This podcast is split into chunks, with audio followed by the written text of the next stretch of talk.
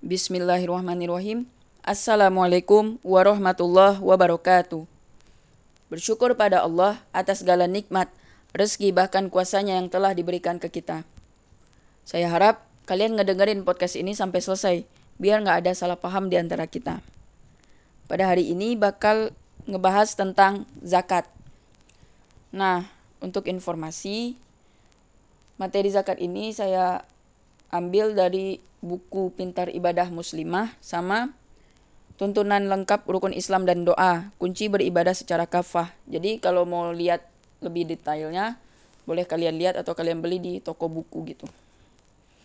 Oke, zakat. Zakat adalah penyerahan harta tertentu yang akan diberikan kepada orang-orang yang berhak menerimanya dengan syarat-syarat tertentu. Zakat adalah penyerahan harta tertentu yang akan diberikan kepada orang-orang yang berhak menerimanya dengan syarat-syarat tertentu. Allah Subhanahu wa Allah Subhanahu wa taala berfirman dalam Quran surah At-Taubah ayat 103. Allah berfirman, "Ambillah zakat dari harta mereka guna membersihkan dan menyucikan mereka dan berdoalah untuk mereka. Sesungguhnya doamu itu menumbuhkan ketentraman jiwa bagi mereka." Allah Maha mendengar lagi Maha mengetahui. Lalu dalil yang kedua, dalam Quran surah Al-An'am ayat 141, Allah berfirman, Makanlah dari buahnya ketika berbuah dan berikan haknya pada hari panennya. Dan jangan berlebihan. Sesungguhnya Allah tidak menyukai orang yang berlebihan. Hukum zakat. Zakat adalah kewajiban dan merupakan kita sama-sama tahu nih. Zakat itu salah satu dari rukun Islam yang kelima sebagaimana Rasulullah Shallallahu Alaihi Wasallam bersabda, Islam didirikan di atas lima hal, yaitu bersaksi bahwa tidak ada Tuhan yang berhak disembah selain Allah dan Nabi Muhammad adalah utusan Allah. Lalu yang kedua mendirikan sholat, yang ketiga membayar zakat, yang keempat berpuasa di bulan Ramadan, dan yang kelima haji ke Baitullah jika mampu muttafaqun alaih. Waktu menunaikan zakat adalah ketika sudah mencapai nisab. Nisab adalah tanda yang mewajibkan seorang muslim untuk mengeluarkan zakat, baik berupa emas dan perak ataupun yang lain. Cara menunaikan zakat adalah memberikan harta yang wajib dizakatkan disertai dengan niat. Nah, contohnya mau zakat mal, pakai niat zakat mal. Yang profesi pakai zakat profesi, tambang pakai zakat tambang. Kalau fitrah pakai zakat fitrah. Jadi niatnya itu nggak sama, ada bedanya gitu. Nah, harta yang wajib dizakatin itu ada yang pertama itu ada emas sama perak. Itu tuh murni nggak ada campuran. Yang kedua hewan ternak. Yang ketiga tanaman dan buah-buahan. Yang keempat perniagaan. Yang kelima rikaz atau harta terpendam dan barang tambang. Nah, harta yang dizakatin itu harus diberikan kepada orang yang berhak menerima zakat dengan niat dan syarat-syarat yang sudah ditentukan. Ada beberapa hal yang harus diperhatiin kalau kita mau bayar zakat nih. Yang pertama, sucikan niat sebelum menunaikan zakat. Nah, teruntuk niat uh, agak beda sama niat. Kan tadi ada zakat mal, fitrah, yang lainnya itu pakai zak pakai niat uh, sesuai apa yang mau dizakatin kan. Nah, kalau niat yang di sini tuh untuk apa sih kita zakat gitu. Nah, masalah niat ini Rasulullah Shallallahu alaihi wasallam bersabda, "Innamal a'malu binniyat wa innamal likulli imri'in manawa." Faman kanat hijratuhu ilallah wa rasulih fahijratuhu ilallah wa rasulih wa man kanat hijratuhu ila dunya yusibuha aw imra'atin yankihuha fahijratuhu ila ma hajaru ilaih rawahu bukhari raqmun wahid Amal itu tergantung pada niatnya dan seseorang akan mendapatkan apa yang diniatkannya. Barang siapa yang hijrahnya karena Allah dan Rasul, maka hijrahnya itu akan diterima oleh Allah dan Rasul. Dan barang siapa yang hijrahnya karena dunia dan wanita yang ingin dia nikahi, maka dia akan mendapatkan apa yang dia hijrahkan. Hadis riwayat Bukhari nomor satu. Nah, kita harus tahu dulu niat kita untuk zakat tuh untuk apa? Apakah untuk pamer atau ria atau memang benar-benar mengharapkan ridho Allah gitu dan agar harta yang kita dapatkan itu menjadi berkah. Nah, itu yang harus dilurusin dulu. Ngapain ngapain sih kita zakat gitu? Itu yang pertama. Terus yang kedua barulah niat. Misalkan mau zakat mal, pakai zakat niat zakat mal gitu. Begitupun seterusnya gitu. Lalu yang kedua, telitilah sasaran zakat. Apakah dia benar-benar termasuk golongan yang berhak menerima uang zakat atau bukan gitu. Terus yang ketiga, utamakan orang-orang yang dekat jika memberi zakat langsung kepada mustahik dan tidak melalui lembaga amil. Saya ulangi, utamakanlah orang-orang yang dekat jika memberi zakat. Utamakanlah orang-orang yang dekat jika memberi zakat itu langsung ke mustahik dan tidak melalui lembaga amil. Nah, untuk diketahui orang-orang yang dekat di sini itu bukan istri, anak-anak atau orang tua. Sebab ketiga orang ini memang berhak atas nafkah seseorang gitu.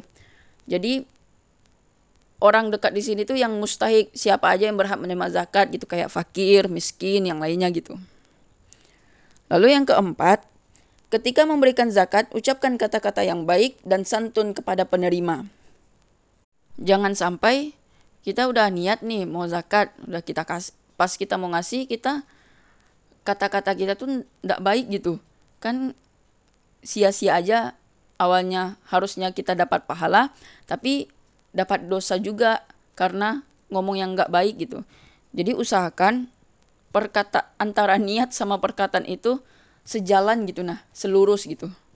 Jadi berkatalah dengan yang baik lalu yang kelima tunaikanlah zakat ketika saatnya tiba tunaikan zakat ketika saatnya tiba menunda-nunda pembayaran zakat tidak dikehendaki oleh Islam dan seluruh ajaran Islam. Termasuk zakat mendidik manusia untuk disiplin dan tepat waktu. Dari zakat inilah kita bisa menilai di mana letak disiplin kita itu, tepat waktu kita itu gimana gitu. Nah, mulai dari zakat ini gitu. Syarat wajib zakat. Yang pertama, Islam. Zakat tidak wajib bagi orang yang bukan Islam. Nah, untuk orang yang murtad, wajib mengeluarkan zakat selagi hartanya masih ada untuk melaksanakan ibadah zakat dengan kewajiban yang tertangguhkan hingga ia masuk Islam lagi. Terus yang kedua, merdeka.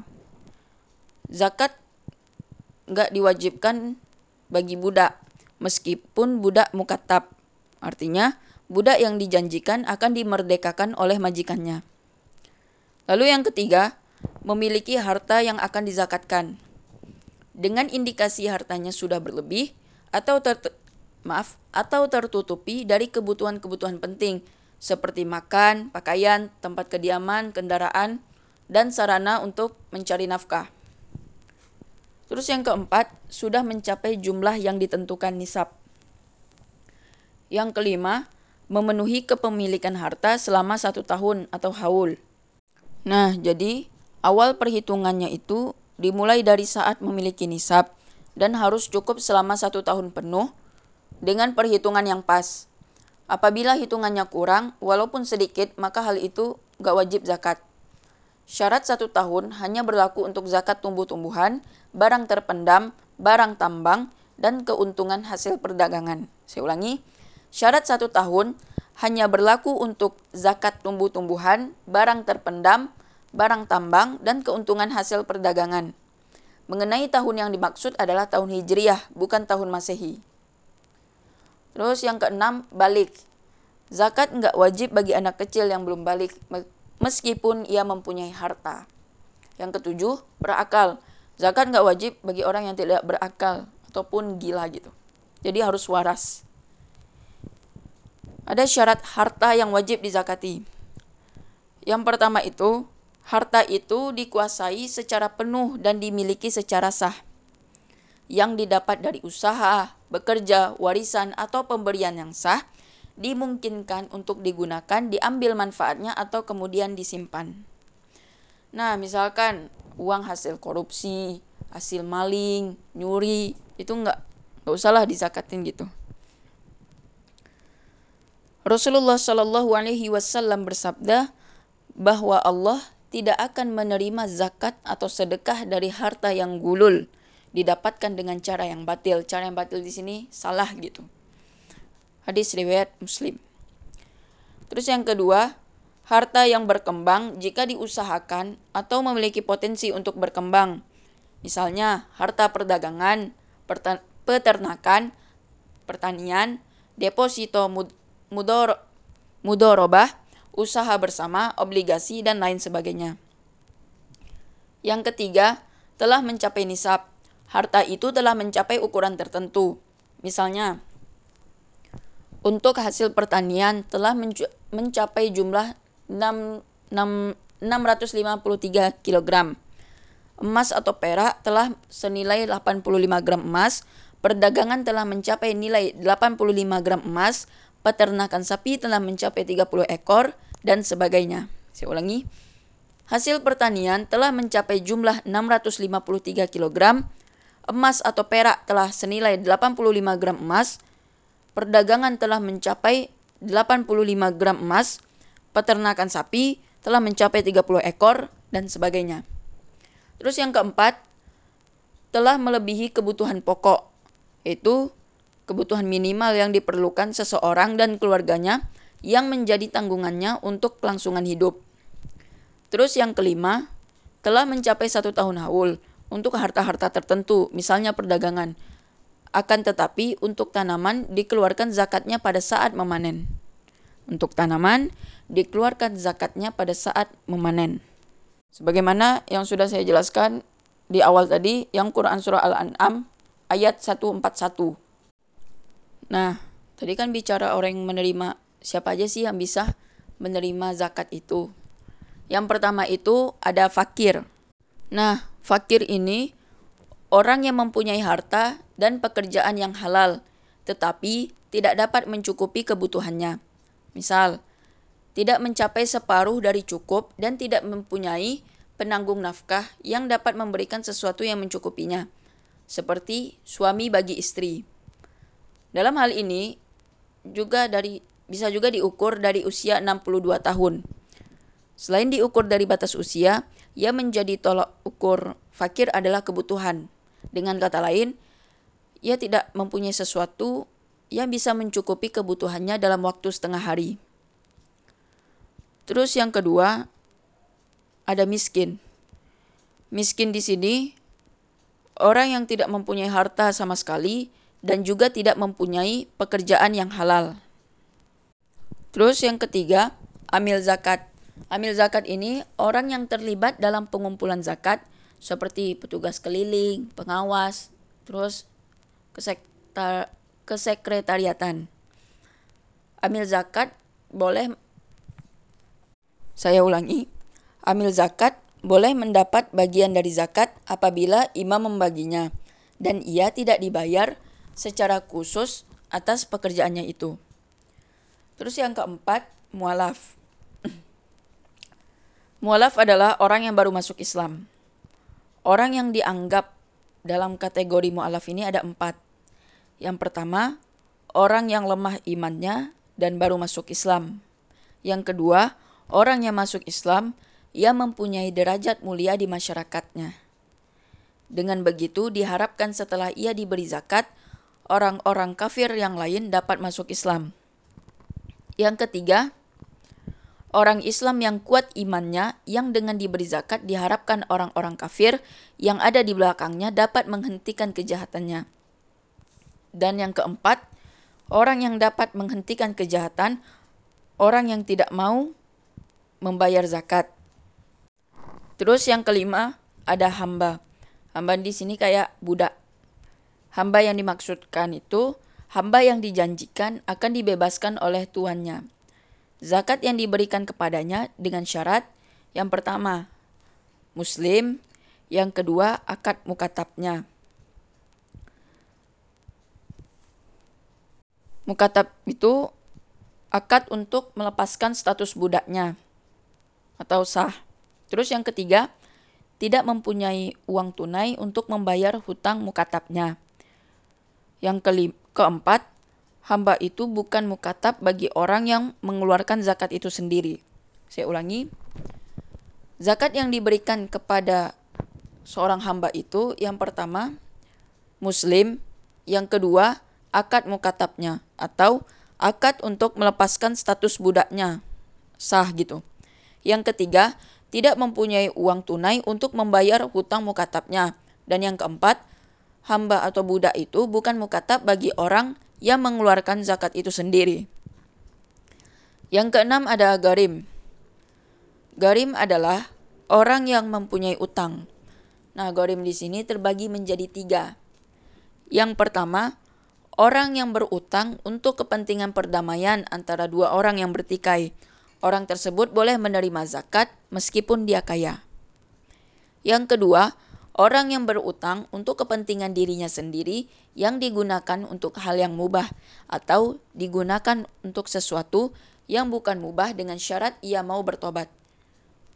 Yang ketiga, orang yang mempunyai utang karena menanggung orang lain dan ia sendiri orang yang susah. Yang ketujuh, berjuang di jalan Allah.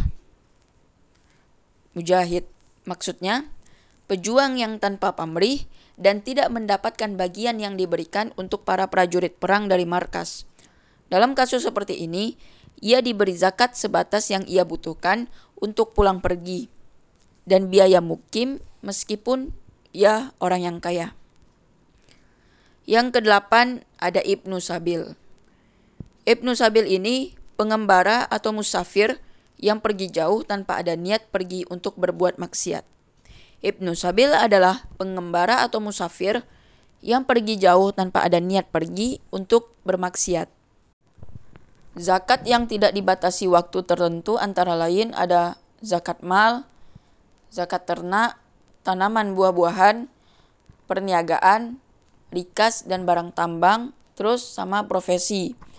Nah, untuk zakat fitrah itu zakat yang dikeluarkan pada waktu tertentu. Nah, sekarang kita masuk ke zakat mal atau harta.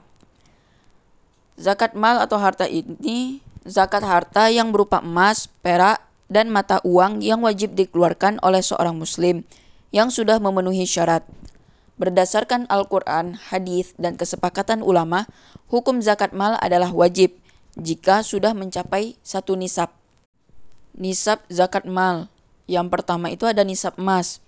Emas wajib dikeluarkan zakatnya sebanyak 2,5% dinar jika sudah mencapai 20 mithqol.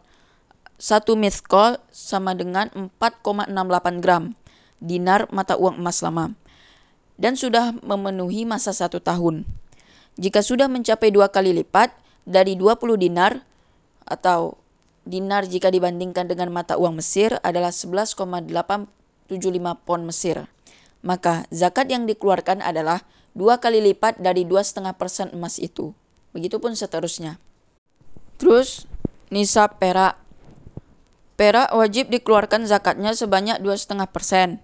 Jika sudah mencapai 200 dirham atau mata uang emas perak, dan memenuhi masa satu tahun.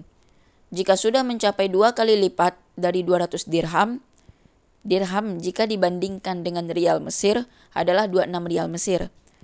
Maka zakat yang dikeluarkan adalah dua kali lipat dari dua setengah persen perak itu. Begitupun seterusnya. Terus yang ketiga, ada nisab mata uang atau uang kertas. Menurut para ahli fikih, kedudukan uang kertas dihukumi sama dengan emas dan perak dalam penggunaannya. Uang kertas dapat ditukarkan dengan perak. Jadi, zakat yang dikeluarkan 2,5% jika sudah mencapai 200 dirham dan menjalani masa satu tahun. Dan begitu pun seterusnya. Jika sudah mencapai dua kali lipat dari 200 dirham, maka zakat yang dikeluarkan dua kali lipat dari dua setengah persen perak itu. Ya, begitu seterusnya. Nah, untuk informasi aja, nggak ada perbedaan antara emas sama perak yang dicet yang udah dicetak ataupun belum dicetak gitu. Yang nah sekarang cara menunaikan zakat mal. Cara menunaikannya itu yang pertama niat. Dan kalau zakatnya berupa emas dan perak, maka emas dan perak tersebut harus asli, nggak ada campuran dengan zat lain. Terus diberiin dikasih ke orang yang berhak menerima zakat baik berupa emas yang sudah dilebur maupun dalam bentuk batangan. Orang yang akan berzakat mal harus juga memperhatikan syarat. Yang pertama, Islam. Yang kedua, merdeka, udah nggak jadi budak lagi. Yang ketiga, memiliki harta berupa emas, perak, dan uang kertas. Yang keempat, sudah mencapai jumlah yang ditentukan atau nisab. Dan yang kelima, disimpan selama satu tahun atau haul. Niat zakat mal. Bismillahirrahmanirrahim. Nawaitu an ukhrija zakat zahabi au zakat al-fiddati au zakat al-mali an-nafsi fardon lillahi ta'ala. Saya berniat mengeluarkan zakat berupa emas atau perak atau harta dari diri sendiri karena Allah Ta'ala. Nah, terkait zakat mal ini, Allah Subhanahu wa Allah Subhanahu wa taala berfirman dalam Quran surah At-Taubah ayat 34. Allah berfirman, Orang-orang yang menyimpan emas dan perak dan tidak menafkahkannya pada jalan Allah, maka beritahukanlah kepada mereka bahwa mereka akan mendapat siksa yang pedih. Nah, untuk bahasan yang selanjutnya, saya bahas di podcast sebelumnya. Eh, maaf, saya bahas di podcast selanjutnya. Soalnya ini kan udah 21 menit juga, takutnya nggak fokus lagi gitu. Nah, ya. Assalamualaikum warahmatullahi wabarakatuh.